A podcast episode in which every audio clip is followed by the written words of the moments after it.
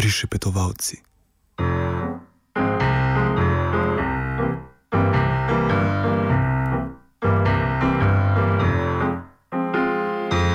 Želim živeti brez skrbi in tu jaz stiska me ne briga. Vem, kar je treba vedeti.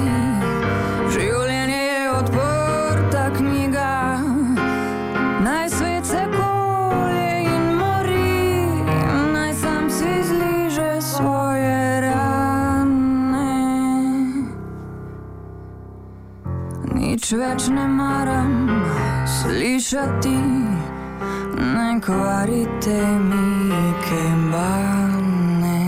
Največ je vreden mir, največ je vreden mir.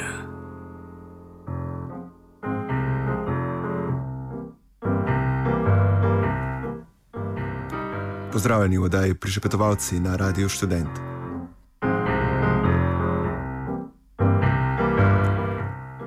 Volitve, ki bodo v nedeljo in kampanja, ki poteka, so skrajno zmedene in skrajno kaotične.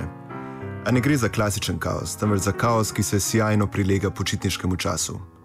Če odmislimo aktivnosti SDS in njihovega odbora, to ni neovladljivi histerični kaos. Ni kaos presežka informacij, presežka vprašanj in presežka angažmaja, temveč kaos pretirane mirnosti. Medtem ko SDS onkraj obrambe političnega zapornika, torej na recimo temu programski ravni, na počitniško atmosfero odgovarja z obljubami o 50 evrov višjih plačah za revne, znižanju RTV naročnine in tablicah, s čimer lovi tiste, ki si dopusta ne morejo privoščiti, pa imajo tisti, ki bodo na dopust fizično ali vsaj psihično odšli, drugega kandidata.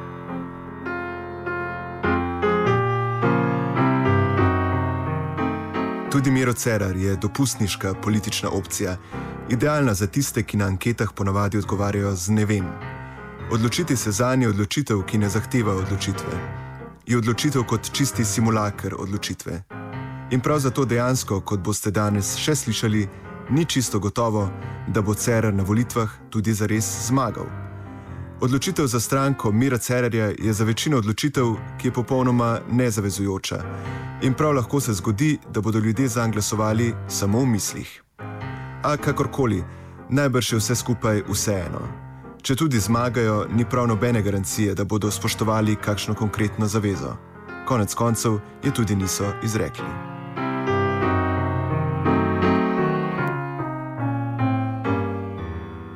In kaj preostane tistim, ki si na teh volitvah želijo kaj konkretnega? Bodo tisti, recimo, ki bodo glasovali za Združeno levico, glasovali za margino, pa če se ta margina uvrsti ali ne uvrsti v parlament? Ne nujno. In če želite vsaj metaforični dokaz, si poslušajte morda najboljše predvolilno soočenje, kar smo jih slišali. Soočenje na Radiu Ognišče, kjer je v družbi večine pomembnih strank gostovala tudi Violeta Tomič. Začela je ostro. Ob vprašanju splava, da nimo je neposredno demonstrirala etiko ateizma.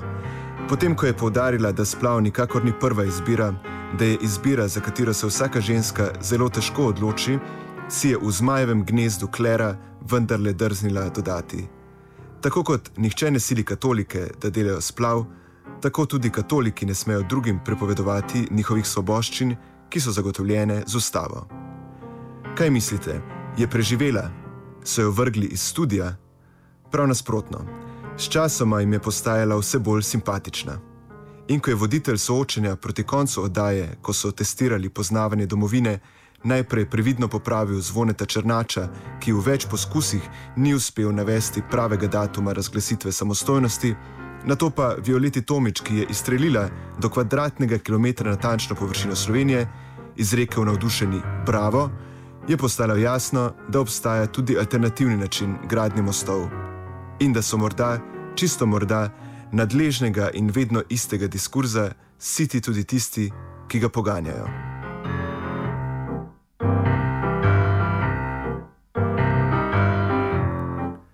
Skratka, situacija je izjemna in nepredvidljiva. Zato bomo tudi v današnji jubilejni 30. ediciji prišepetovalcev ponovno kot že pred predsedniškimi volitvami, spet napravili izjemo. Monolog, ki sledi, bo spet dialog. O volitvah, o izgubljeni priložnosti Alenke Bratušek, o Cerarju in o Združeni levici bosta spregovorila Tanja Lesničar Pučko in Gregor Povš. Najprej pa o tem, zakaj je Tone Krkovič na dob prišel že pred sedmo uro zjutraj, ko vsi še spijo. Zakaj je prišel sam in brez procesije.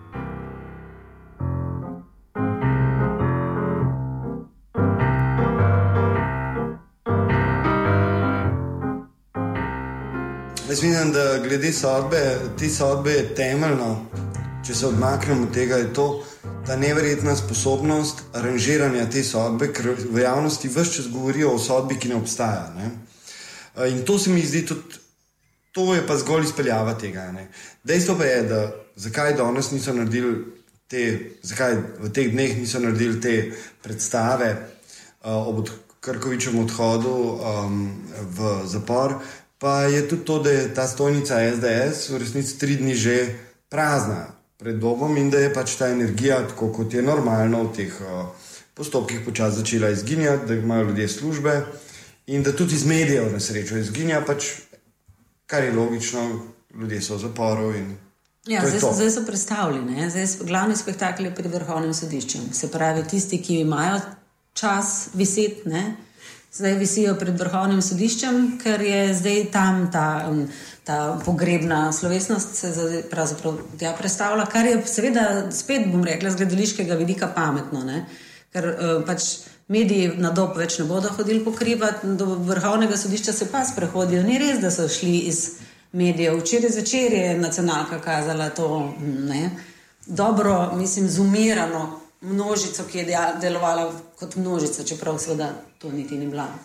Računalka je vse čas upravljala neko nalogo, um, neko nalogo, ki po mojem izhaja predvsem iz strahu, da bo pač prej vse prišel na oblast in da je treba do takrat biti prijeten in ne imeti čim manj greha na glavi. Ne. Ampak iz ostalih medijev pa izginja, izginja in se ja. dogaja to, kar se je zgodilo na Hrvaškem nenadoma razpada, v resnici razpada. Mm. Razpada pač v tem smislu, da ostaja tisto, kar je na papirju napisano.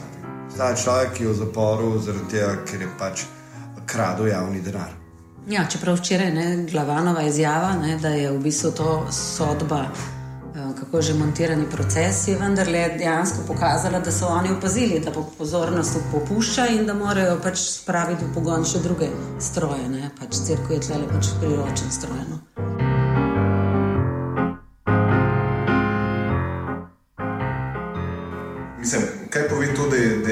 Vendarle uspel pač v Evropskem parlamentu, pač nekatere pomembne evropske poslance, oziroma neke pomembne evropske politike obližiti v majice Ferijane z Janšem? v resnici nič. To so pač asociacije, ki delujejo skupaj in pač oni upravljajo pač te stvari med sabo. Ne na eni, ne na drugi strani se v resnici nobena od teh asociacij ne ugradi od teh deviacij, ki se zgodijo, zgodijo na nacionalni ravni. Sej se, uh, mislim, tleh sploh ne moramo govoriti, da je samo pri konzervativcih tako.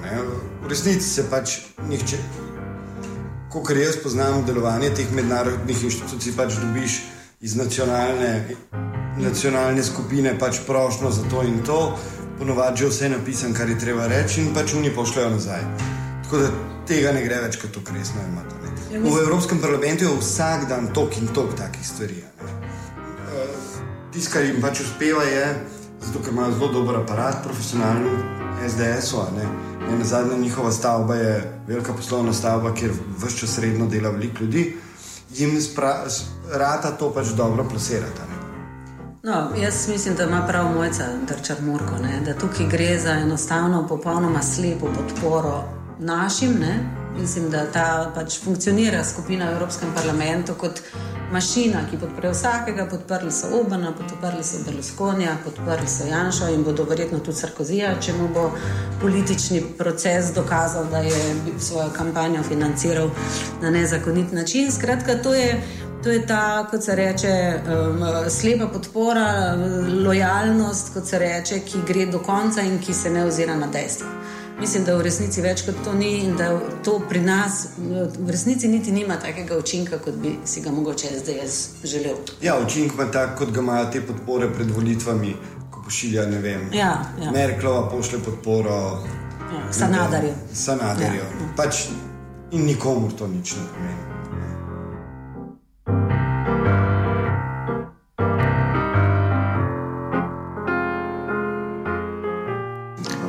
Rekla, da, so, da je CR dobil neopredeljene. Jaz bi rekla, da je dejansko tja prebegnil pač tisti del, ki ga je imel Jankovič, pa potem Bratovškova, pa tisti del, ki je potopil, mm, mislim, tisti del, ki je ni, ni zmogel več prenesti SD-jevega Lukšiča. Skratka, da, so, da je v bistvu mm, CR dobil uh, pravzaprav veliko glasov iz levice, pa po mojem manj iz desnice. Ne vem, to se mi zdaj ta trenutek kaže. Pač, seveda tudi to kaže, da, bo, da bosta pač Alenka Bratušek in Jankovič očitno res zvisela na celi črti. Se pravi, tisti, ki so jih takrat volili in so bili dejansko voljivci proti Janši, ne, so se zdaj samo obesili na naslednjo ponudbo, ki najbolj deluje kot anti-Janša, čeprav seveda, po mojem, nažalost, to sploh ne drži, ne, da bi bil on nek kot anti-Janša. Uh, Dejstvo je, da je slovensko uh, volilno telo izrazito konzervativno in da pač dejstvo, da je hkrati to uh, politični, desni politični prostor zasedla pač ta stranka, ki, bi, ki je pač neka ludis, ludistično, ideološko, popolnoma nora stranka, ne, se pravi SDS. ne, Uh, da je to tisto, kar nam daje lažen vtis, da je telo sicer ne? bolj levo. Ne? Ni. Ne? Levo je toliko, kot pač v desnem prostoru vlada Janša in uh, uh, zmaliči sliko.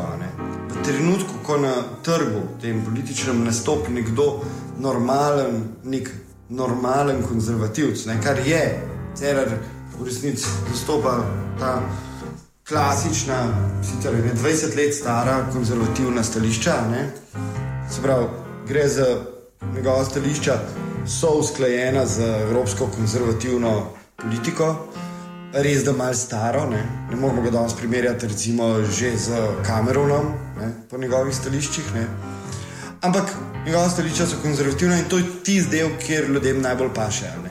To je ta del uh, volilnega telesa, ki si najbolj želi. To nam je pokazal ne na zadnji primer Verand pred razkritjem njegove, njegovih malverzacij z denarjem. Ne. Tudi njegov skok je bil podoben, ker je on prav ta, uh, ta nečak, ta vnuk, ta potencijalni zet. To je. To, Ves čas imamo tega človeka v volilnem prostoru, od Marjana Podobnika naprej. To je nek, ki se zdi, da on pa lepo pove. In to je že zelo zadovoljivo.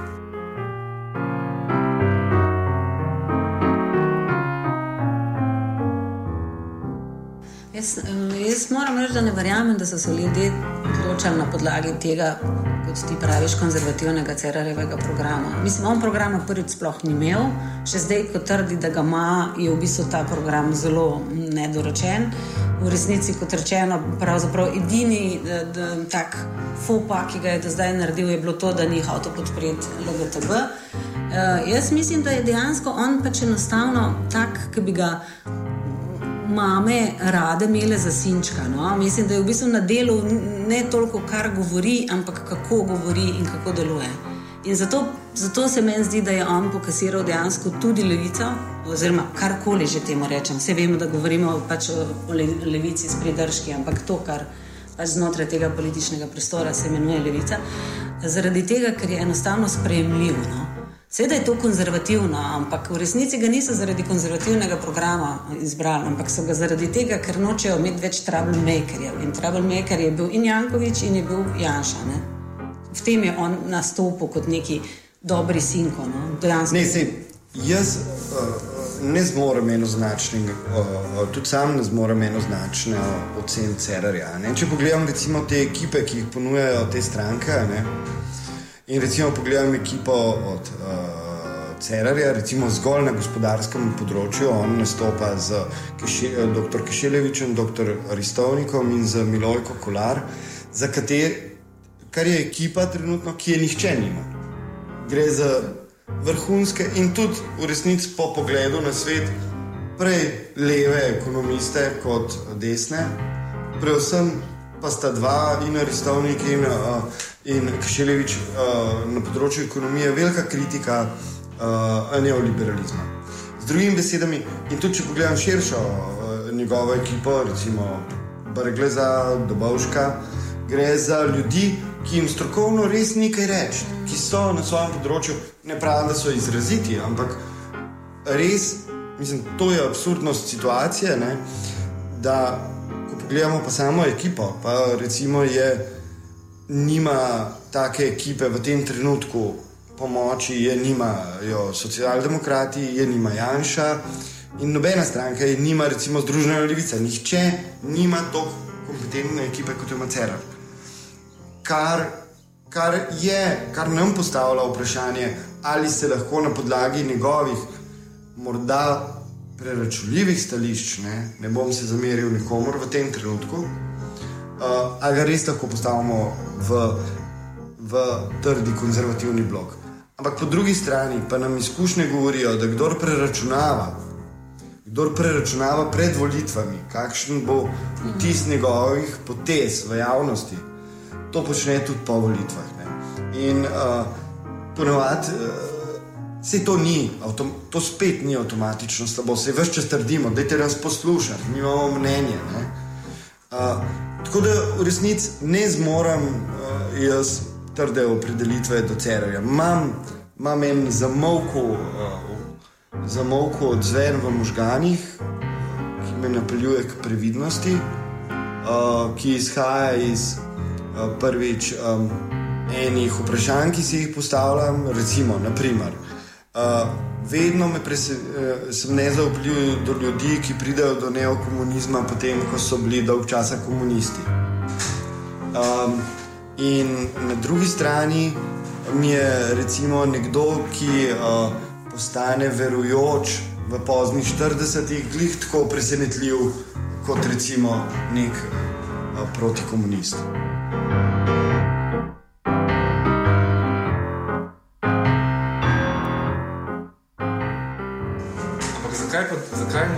Kaže tako dobro? Zakaj, zakaj ima po zadnjih pač, anketah 38 postov? In zakaj, recimo, zakaj ljudem tako bolj všeč on kot recimo Alenka Bratušek? Ja, no, ker je nedolžen, ne? to je vendarle treba reči. Čeprav seveda mu probajo vendarle zdaj podtakniti nekaj stvari, ki jih je naredil kot um, pravnik v parlamentu. Ne? Ampak uh, on je politično, da rečem, neomadeževan. Alenka Bratušek absolutno je naredila ravno zdaj, po pacu vlade, največ napak. Ne? In to ta Merkator včeraj je bil, seveda, po mojem, krona. Ne? In uh, ona je dejansko tako okužena, da, da res nima več nobene možnosti. Neverjetno slabo je peljala v bistvu to, ta padec lastne vlade. Ne, ne samo glede teh datumov volitev, ki se je popolnoma, mislim, vrgla na glavo noter, ampak v resnici niti tistega kapitala, ki ga je dobila, s tem, da jo je Jankovič seveda tako grdo odrezal in, in potopil, tistega kapitala ne, ne da ga ni izkoristila, ampak je vlekla poteze, ki so bile ena za drugo bolj samomorilske. Ne vem, kdo je tokrat svetoval, ker Lani ob, ob prevzemu vlade je imela kar nekaj na začetku dobrih potez, tukaj je pa videti, da se je popolnoma zgubila. Tisto, kar se vidi, je, da prej je delala intuitivno, torej politično, zdaj pa ravna marketinško. In, in ko se začne politik zanašati na marketinške ja. svetovalce, pač postane produkt in produkt je, ko začneš na politika gledati kot na produkt, mora biti pa predvsem lep. Ja, ne, tukaj, je, res, tukaj se je res pokazala kot popolni škart. V bistvu, s tem, kar je na zadnje naredila, seveda je razvrednotila tisto, kar je delala celo leto. To je precej neverjetno, da ti uspe pred volitvami uničiti kapital. V resnici v, v, imenu, v imenu tega, da bi ga, da bi ga povečal. Ja. Jaz mislim, da en pa res identičen primer smo pa že doživeli. In to je primer leta uh, uh, 2004, uh, volitve, ko ima uh, eh, LDS vse čas umirjeno in modro stališče do sporov s Hrvaško, in potem se ta ekipa marketinška, zelo verjetno ista kot danes pri Bratuškovi, odloči, da takratnega premijeja in predsednika LDS-a Toneta Ropa pošlje v Piranski zaliv loviti ribe. Točno, in seveda je s tem, ko je postavil tako kot ona zdaj, ki je vse čas govorila, mi se ne bomo mešali v Merkator, to ni naša stvar pokazala seveda, da je popolnoma neverodostojna, tako kot rob takrat, da je vsa stališča so pač stvar. Stvar neke marketinške presoje. In jaz mislim, da je največ izgubila v tej točki. Jaz mislim, da bi ona lahko celo pridobivala, da glede Merkatorja pa pač nihče ne verjame.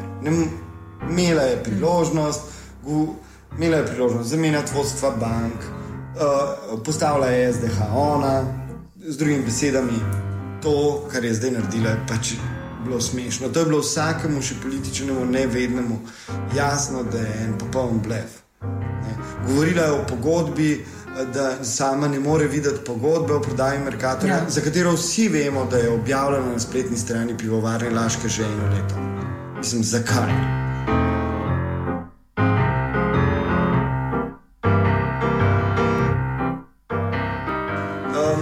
Resnici je škoda. Jaz mislim, da ona, je, uh, ona bi bila lahko, če bi, se, če bi delovala intuitivno, normalno, presojala po teh nekih normalnih, to je modro, to ni, in se obkrožila z dobrimi svetovalci.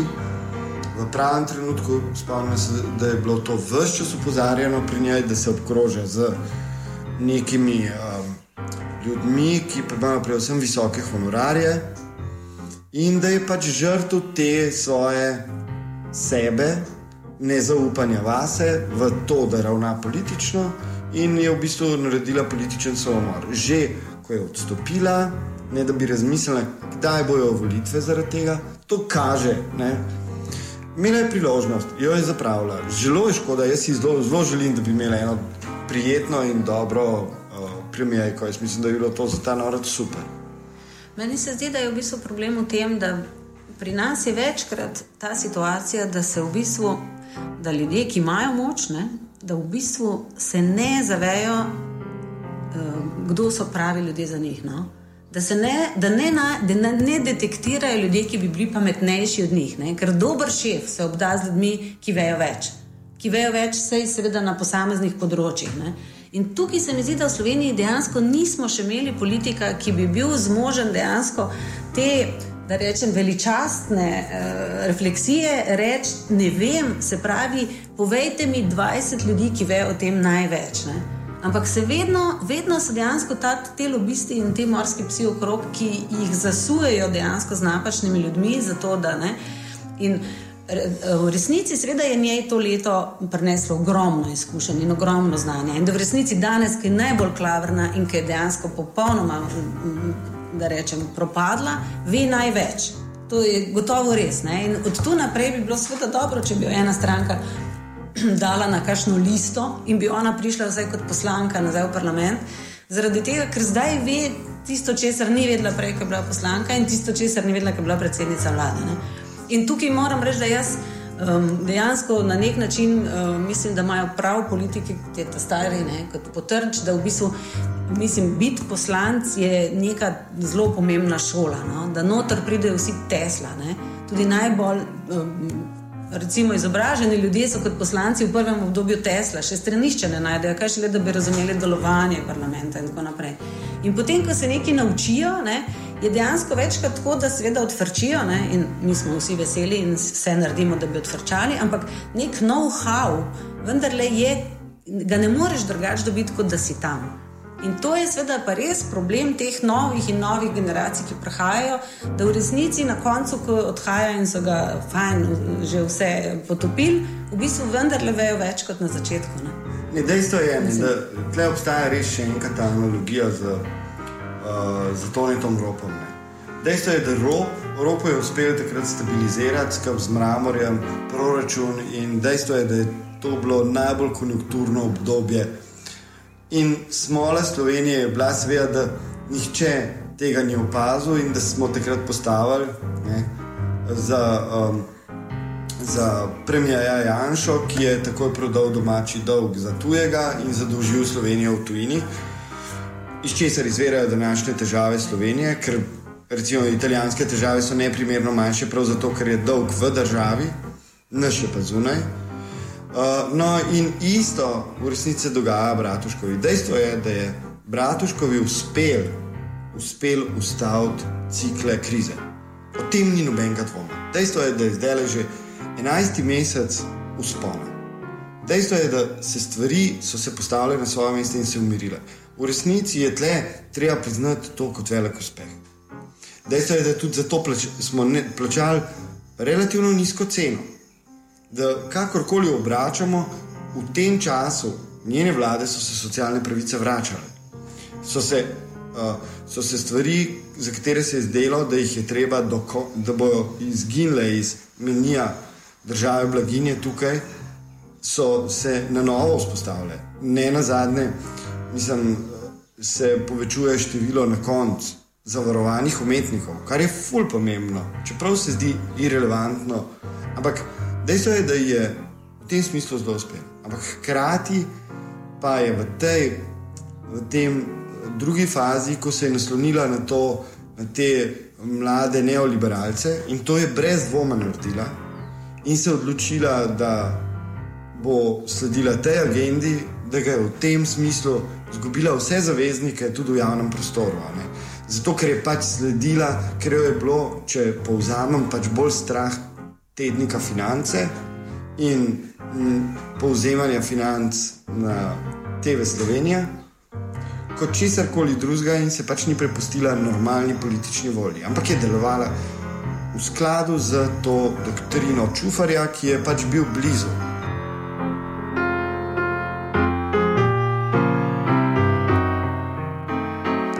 Meni je recimo prav Merkator, se meni zdi zelo zanimiv primer. No? Mislim, da je Merkator, mislim, da je prodaja Merkatorja sporna, mislim, je dejansko že leta in leta jasno. Meni ni jasno, kakšen je imela dejansko ona načrt, če ne bi vlada padla.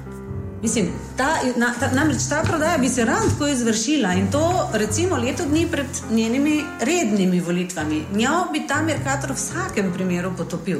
A ga je ona mislila rešiti kot predsednica vlade, pa ga zdaj kot odhajajoča uh, v bistvu ne more več. Ali kaj nam pravzaprav propoveduje? To, da je Merkator popoln, popolni fiasko, mislim, privatizacije, je bilo jasno. To je isti problem kot TS6 vsi vejo, da tisti predsednik vlade, ki ga bo na koncu požegnal, da bo dejansko seveda kasiral vsa leta, ne, to je zdaj že leta in leta tega, da vsi politiki, ljudje in vrabčki na drevesih vejo, da je te šest katastrofa.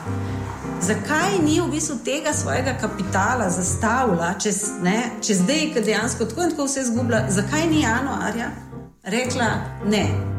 Ustavili bomo uh, Merkator, prodajo Merkatorja, Agrokor je absolutno bankrotiran, Agrokor ne živi drugače kot s kreditov.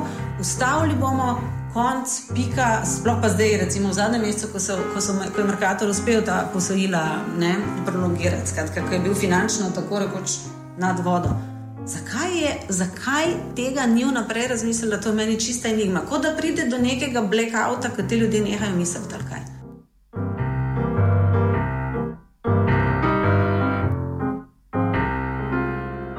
Agrokoru je v zadnjih dveh mesecih prišlo do realnih sprememb, ker zgodbe ne vodi več Agrokor, ampak pač ameriški sklad Blackstone. Ja. In da je pač denar drug, in da je pač to denar, ki bo zdaj to zavrtel in izpumpal sredstva iz Merkatorja. Ampak ta nevarnost je bila več čas. Ja, ta nevarnost je bila več čas. Uh, analiza analiza uh, EIPF inštituta je stara eno leto, kjer vse to piše. Kjer piše vse to. In jaz mislim, da je najboljši odgovor, kdo se še sprašuje o tem, ali je bilo, bilo treba, ali ne pretiravamo s tem, ko govorimo, da je Merkator pomemben, mora prisluhniti izjavam uh, Hrvaškega ministrstva za gospodarstvo, ki je rekel, da je to odlično, ker bo zdaj. Uh, uh, uh, Agrokor splav, ja. ker bo dal na police Merkatorja hrvaške izdelke. Točno to, kar smo mi delali z Merkatorjem doslej. Ja, ja, mislim, to, in to je neverjetno. Tukaj dejansko, da rečem, zdrava kmečka pamet to ponavlja že leta. Ne? Mislim, tukaj gre za 20. Zdrava kmečka pamet to ponavlja, ampak najhujše je, da največja kmetica v Evropi v tem smislu je pa Angela Merkel. Ja, ja, ja. Da, ta, ki ja. nam jo vse čas predstavlja kot tisto, ki je veliki neoliberalec, počne to vse čas. Točno to. Nje, ja. Vsako tovarno gleda država in ne dovoli. Isti primer je Alstom, v Franciji. Proda, ko zasebniki prodajo Alstom, država urgira tako, da investira in vstopi z 20 odstotki v Alstom.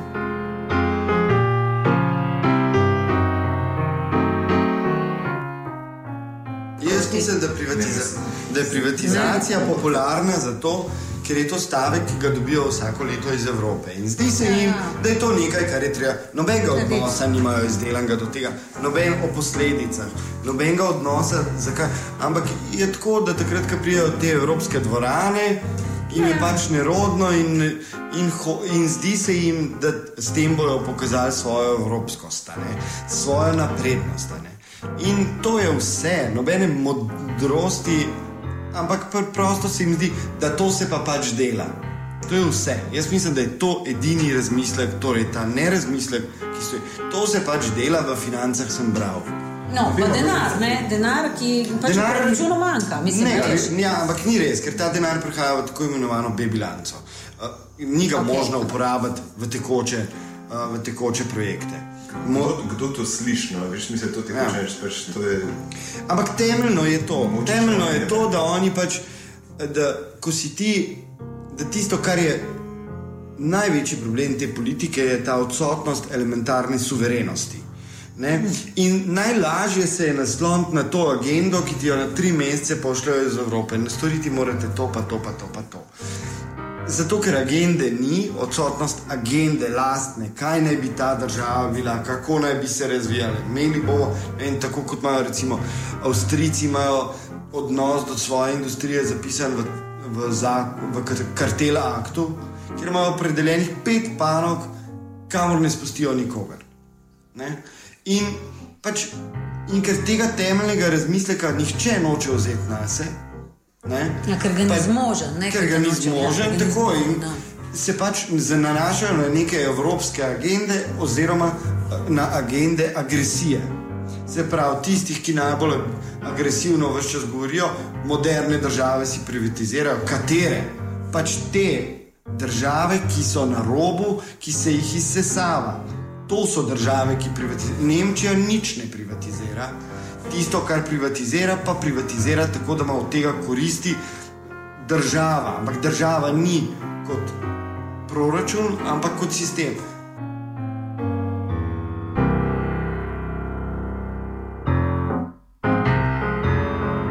Koga bo volila? V bistvu je ja, dosta ekonomije, no ne, ne kjer stranka bi lahko to predstavljala, ampak pustimo zdaj ekonomijo. Ja, koga boste volili? Zdaj pa koga ne boste volili, ker ste obrnili. ja, ja, točno to je. Oba greva, ne, zaradi tega, ker je, pač, ker je ustavno sodišče ugotovilo, da to, da naj v ni, ni pomembno. Ne. Ljubljana je prazna, ne. ne vem, če ste opazili, ne, ampak Ljubljana je definitivno spraznjena, kar pomeni, da je mislim, vse, ne, kar so oni o preštevanju zob v konjskem gobcu razlagali, popolnoma butasto. Ne. Ker zdaj bomo videli, da dejansko res bo manj voljivcev. Mogoče to ne bo na rezultat vplivalo, ampak definitivno bo, po mojem, deležba manjša. Zdaj, koga bom jaz volila? Jaz dejansko sem, mislim, tukaj mislim, da se dejansko voljivci bodo odločali spet na, na dva načina. Ne? Ali se boš odločil za tisto stranko, ki ima po tvojem najboljši program, najbolj, najboljši profil, in jaz tukaj mislim, da je to res Združena levica. To je meni dejansko nekaj, kar se mi zdi, da je najbližje temu, kar jaz bi. Eh, na drugi strani je pa seveda pač ta razmislek, ali je treba dejansko dati pač anti-anšovski glas. Ne? To se vedno zgodi tem malim strankam, to, to jih je vedno pokopalo. Ne? Zaradi tega, ker se, boš, ker se bojiš, da bo vendarle zdoba, mislim, učink. Plusknut tako daleč, da bomo na koncu imeli še res predsednika v zaporu, ki bo skozi rešetke sporočal m, narodu svoje odločitve. Ne? mislim, da bo dejansko to, bo, um, to je tista dilema, ki jo bodo dejansko, ki bo veliko velikcev začutilo. No? no, jaz se s tem strinjam. Jaz tudi sam razmišljam, da če koga velja podpreti, je Združeno levico zaradi tega, ker tega glasu v parlamentu nimamo. Imamo vse od popolnih nacionalistov, celo fašiste, imamo neoliberalce zastopane redko vrsto, uh, redko vrsto socialdemokratov, močne bomo imeli očitno upokojenske interese. glas, ki ga v tem trenutku ni, je socialistični glas. V tem smislu, čeprav je ta slabo artikuliran, uh, čeprav se mi zdi, da bi lahko več naredili, bili bolj propulzivni, ampak se mi zdi, da dobro je, da tistih pet poslanskih mest, šest, zasede ta glas. Kaj se bo zgodilo po volitvah, je pa vedno, vedno zelo nehvaležno napovedati. Dovolj je, da Janez Janša odstopi kot predsednik stranke in to je sposoben, na mesto njega stopi naprimer uh, podpredsednica Tomčeva in so vse stvari, vse karte drugače pomešane in normalne. In, in zato, zato je treba vedno znova pogledati, kaj se je zgodilo po volitvah pred, pe, pred tremi leti, pred sedmimi leti, pred desetimi leti, ker takrat se še ne vidi, kakšna dinamika se ustvari, potem ko, ko tam sedijo poslanci, ki imajo pred sabo noro dolg mandat štirih let in seveda gledajo na svet drugače.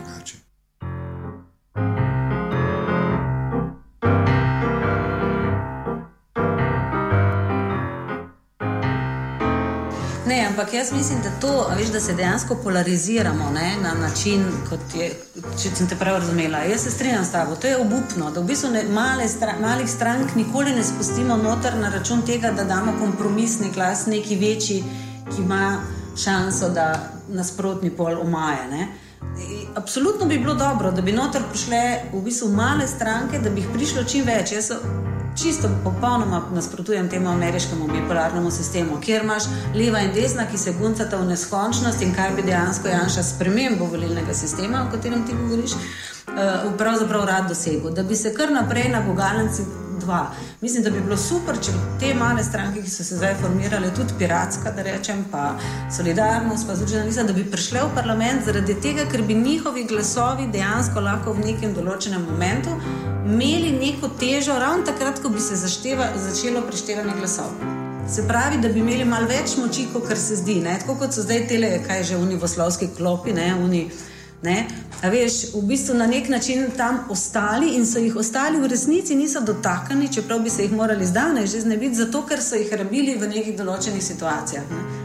Ampak res pa kaže na to, da bi se naj tako bipolarnost, uh, politični prostor razdelil in to je meni se zdi slabo. Zaradi tega, ker ne en, ne drug pol več ne rabi nobene obl- obljube izpolnjevati, razen te, da, posta, da, da predstavlja ravnotežje nasprotnemu polu, ki ga pa seveda po definiciji pol sovražimo. Ne?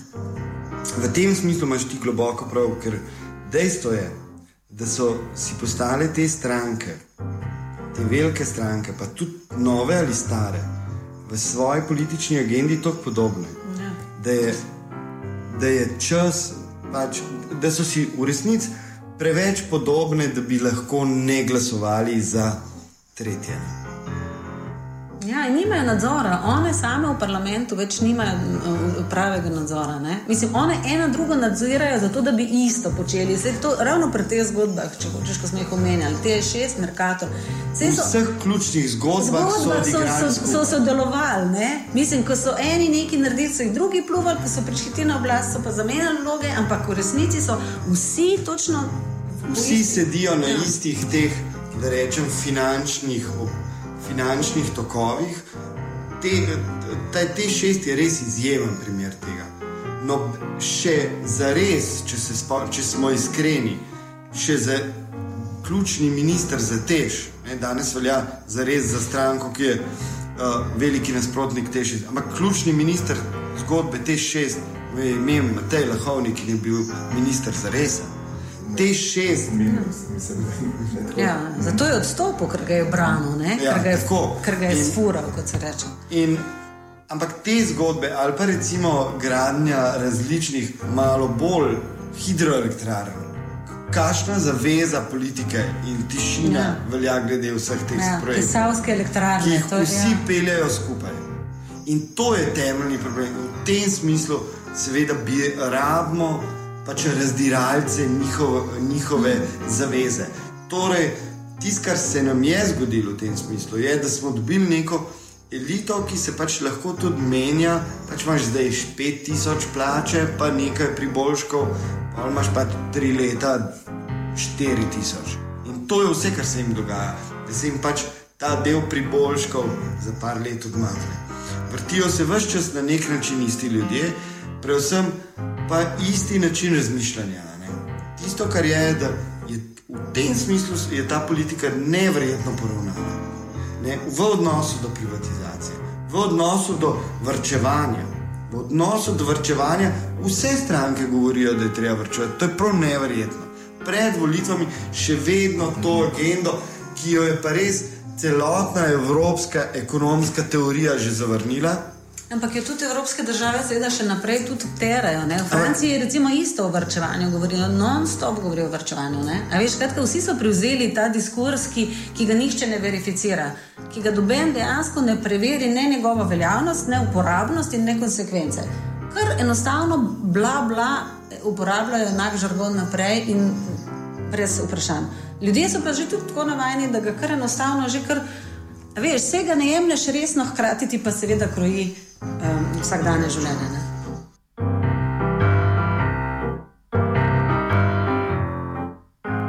Jaz mislim, da ne.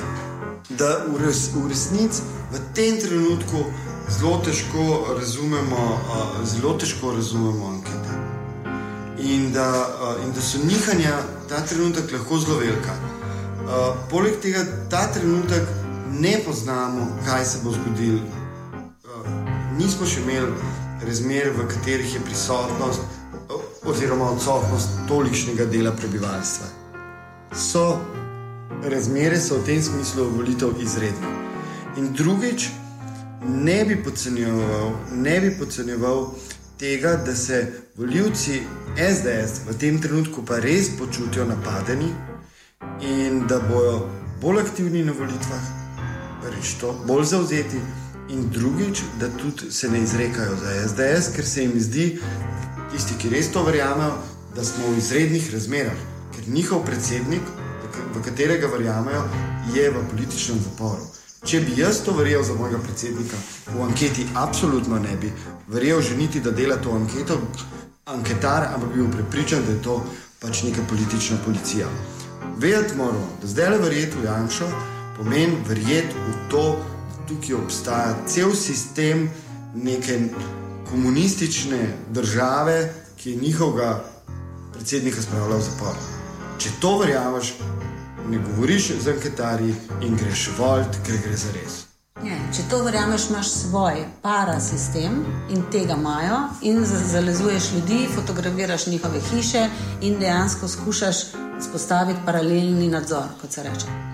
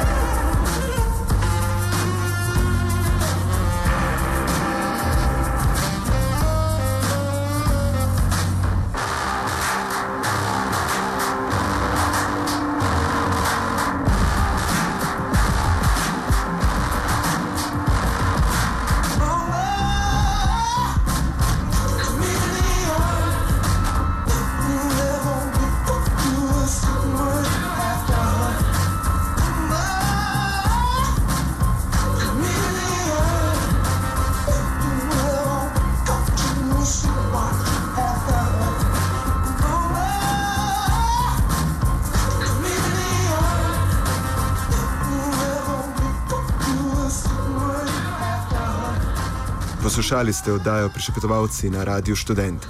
Pripravila so jo Aleš in Tadej. Prišepetovalci.